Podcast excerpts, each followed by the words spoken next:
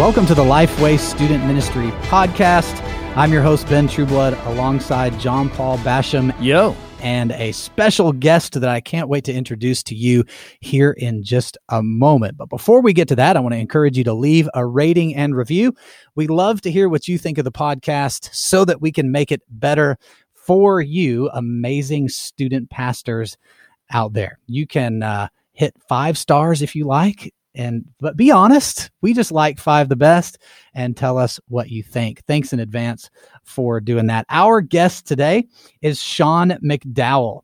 He is a gifted communicator with a passion for equipping the church particularly young people to make the case for the christian faith. He has a phd in apologetics and worldview from southern seminary and is an associate professor in apologetics at Biola University, travels the world speaking in the realm of apologetics and worldview, and is the author of more than 20 books. 20 is a lot of books. He's also the co host of the Think Biblically podcast. So make sure you go and give it a listen. His new book and Bible study releasing in December 2020 is called Chasing Love Sex, Love, and Relationships in a confused culture. You can find out more about that book and study at lifeway.com slash chasing love.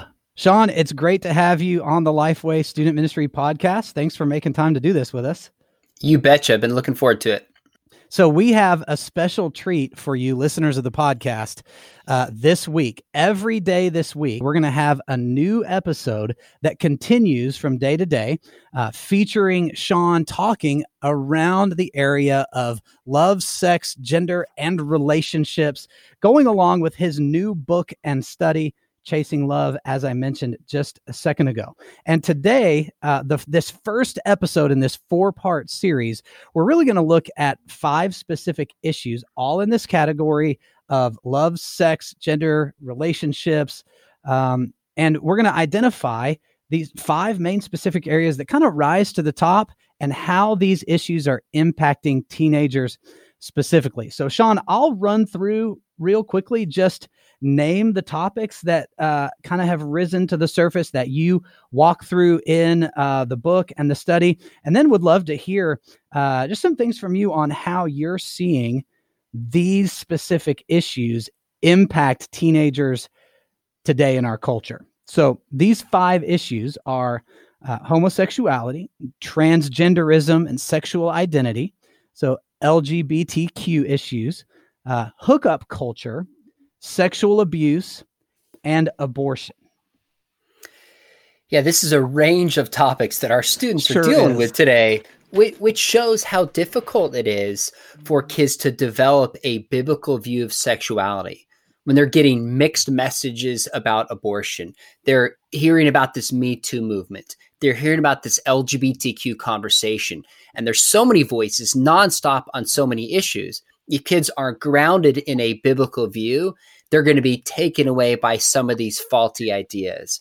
Now, one of the the distinctions I would make with this generation from previous generations is this is no longer an issue that's just out there to deal with.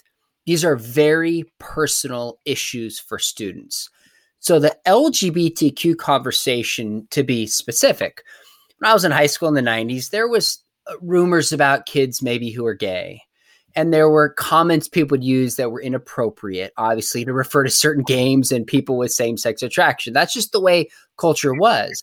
But it wasn't like it was praised in culture. And it wasn't a personal issue for people that was in their face in every song every movie and their friends. So it shifted from an issue out there to one that's very close and personal to them. And that's also true with the sex abuse issue there were stories, and of course, it happened arguably probably as much decades in the past. But now they're seeing movies and they're hearing it talked about in the news where this issue of sexual abuse is very personal to them. And that's also true with abortion. Now there's these campaigns on social media shout your abortion. And hmm. with everybody having a voice to proclaim through social media, these issues have become just so much more personal for this gener- generation. So they're no longer academic. They're dealing with their friends. They're dealing with their neighbors. They're dealing with their peers, which transforms the way we have to approach and deal with these issues. Man, that's such a great point. The the far awayness of it or the distance of it from last gen- my generation a couple generations ago to it being right here. Like now, students are being forced to wrestle with what they believe about these issues in the context of, man, I have a relationship with this person and like I love them. Like they're they're a friend. They're perhaps a family member and so how do I reconcile what I'm hearing on one side and what I believe about this with somebody that I deeply, deeply care about. And I think you add to that that so oftentimes in the minds of this generation, the biblical view of sexuality feels archaic, it feels out of date, and it almost feels bad and evil to some people. So you might remember just this past recently, Chris Pratt, one of the Avengers, was criticized from the wider culture for being a Christian. And the Avengers came beside him and said, Look, it's not evil to be a Christian. And I heard that and I thought, my goodness, how far have we come? Mm. Not that our culture always lived it, but in principle, it's like Christian ideals were at least held up on a pedestal as it related to sexual issues of the way things should be, even though people didn't live it. Now, the best we can do is say, look, he's not evil because he goes to a church that embraces a biblical standard of sexuality. That's the pressure these kids are getting nonstop. So it's not just that they're thinking, oh, I want to follow Jesus. That's right. If I follow Jesus and I believe this, does that mean I'm a bigot? Does that mean I'm mm-hmm. hateful? Does that mean I'm intolerant? So it's a heart and a head issue. And so many in this generation don't know why scripture teaches what it teaches. It feels archaic, out of date. Well, no wonder so many don't embrace and live out this biblical view of sexuality. So I want to come back to the side of it that how do I have this conversation without being a bigot and without coming across with hatred? Um, I want to come back to that in just a minute. So you guys can help me remember if I forget. But before we get to that, I, why is it important that teenagers get it right with a biblical worldview in this area of life specifically? Why like why is this the, the sexual area of life important for them to see with a biblical lens? Well, theologically speaking, it's interesting. Sometimes I ask students a question. I'll say, "What is it that that humans can make that lasts forever?" And students will regularly say, "Nothing." And I'll say, "Well, what lasts the longest?" And they'll say, like Machu Picchu or the pyramids or caveman art. They don't think we can make anything that lasts forever. And I and I'll tip rarely will they get the mm. point that I'm making. I'll say, actually, there is something we can make that lasts forever it's other human beings. hmm. It's other human beings. The act of sex is the one act humans can do that brings an eternal being into existence. Can we see how powerful that is and why Satan would be so intent upon twisting it? So, theologically, I'm not saying sex is the greatest sin. That is not my point. I think idolatry is the greatest sin. Of course, sex is good and it's beautiful according to God's design. I mean, sexual morality is not a sin. But I think there's something about sexuality that God has made it beautiful. God has made it good. And Satan knows he can twist it. And my father done some research on on pornography uh, with the Barna Research Group. And one thing that came out of it that stunned me is he said, What happens when a young person begins to get into pornography is it breaks down their commitment to biblical authority. It actually starts to transform their biblical worldview. So, in many ways, if we can't get this issue right, how are we going to trust that God is good? How are we going to trust that the scriptures are true? Why are we going to follow God in other areas of our life if he gets it wrong on this one issue that our culture is consumed with? So I'm careful to not overstate this issue because I think sexual purity campaigns in the past just said it's all about sex. Everything is about sex. Yeah. And we forgot to talk about gossip and coveting and other issues. So I'm not trying to bring this out of balance, but I do think Satan wants to uniquely use this because the power and nature of relationships and sexuality to confuse this generation and mess them up spiritually.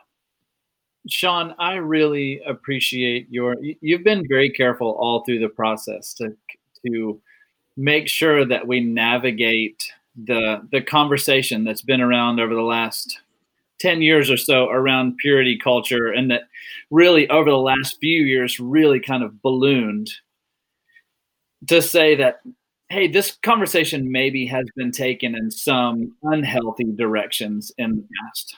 But i still think that this conversation around sexuality um, because of the nature of this struggle in the lives of people has a, a, disproportionate effect, negative effect in the lives of so many people because of, well, more reasons than probably we have time to dig into.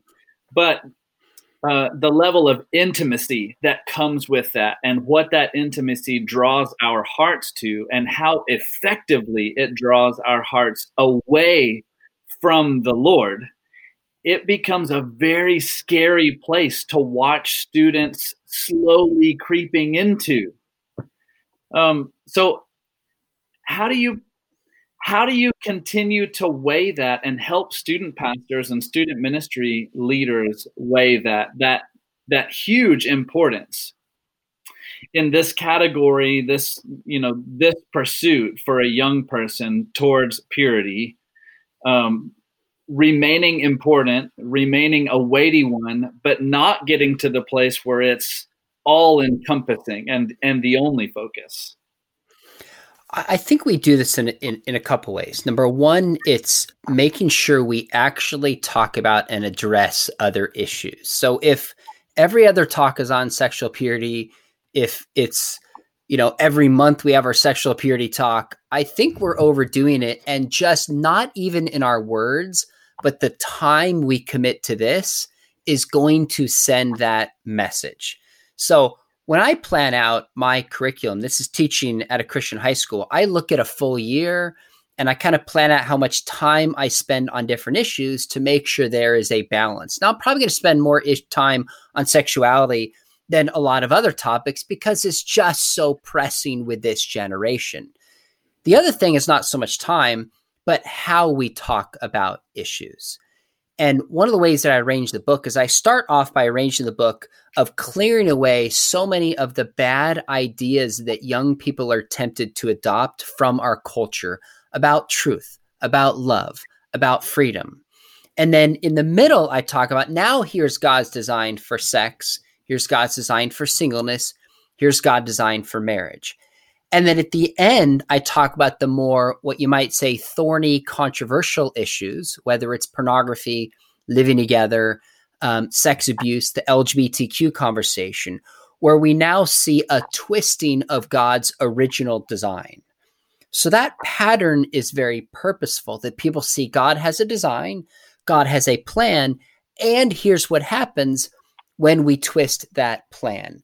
I think it helps young people see that when we talk about sex, it's not what we're against, but it's actually what we're for. And what we're for is good and it's beautiful and it's good. Uh, good and beautiful and good. I said it twice. It's good and it's beautiful and it's true. That's it's how really good, good, it is. It's really, yeah. really good. Um, so I think it's not only amount of time we spend on it, but how we talk about issues of sexuality, being careful not to set up straw men of other views, being careful not to demonize people who hold a different perspective, and being careful to bring it back to the character of God, grounding why we talk about this issue. So I don't just talk about it because it's an issue in our culture. I talk about it because God is pure and God is holy and God is righteous. And he talks about it in the scripture and has a good design and plan for our lives.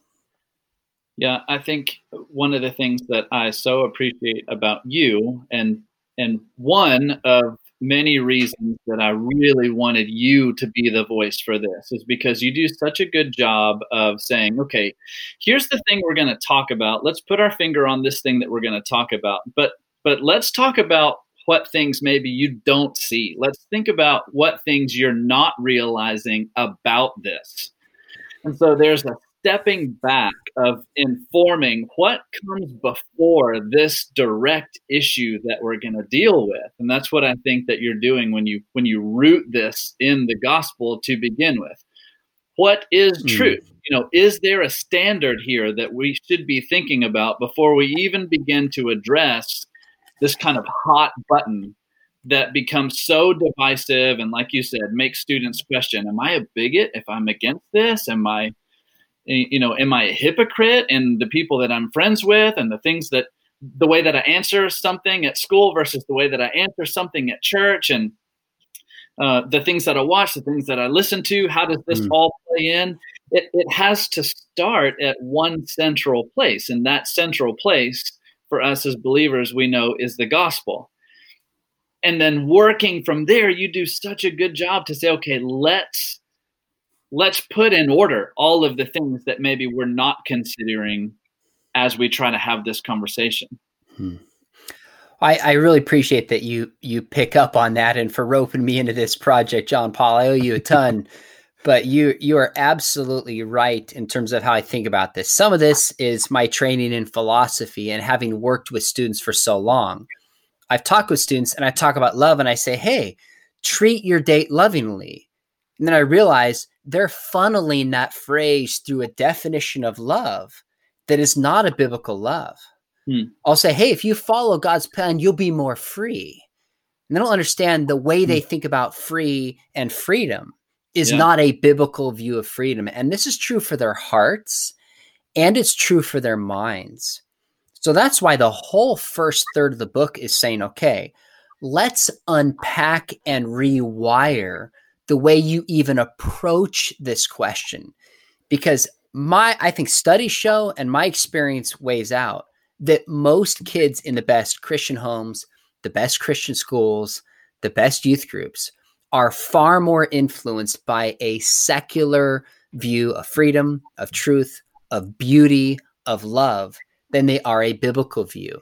And if we skip that step, they're going to interpret what our message is and scripture is very, very differently. Special thanks to Sean McDowell for joining us for this episode and the other three episodes in this series on teenagers' love, sex, gender, and relationships. I want to encourage you to listen to those. If you want to find out more about Sean's new book and Bible study called Chasing Love, you can go to lifeway.com slash chasing love. I also wanted to let you know about a longer conversation that Sean and I had over on YouTube at Student Ministry That Matters. If you want more of this kind of content, and uh, Sean and I are able to dive in a little bit deeper because of the longer conversation there. So head over to Student Ministry That Matters. And this has been another episode of the Lifeway Student Ministry Podcast. We'll see you next time.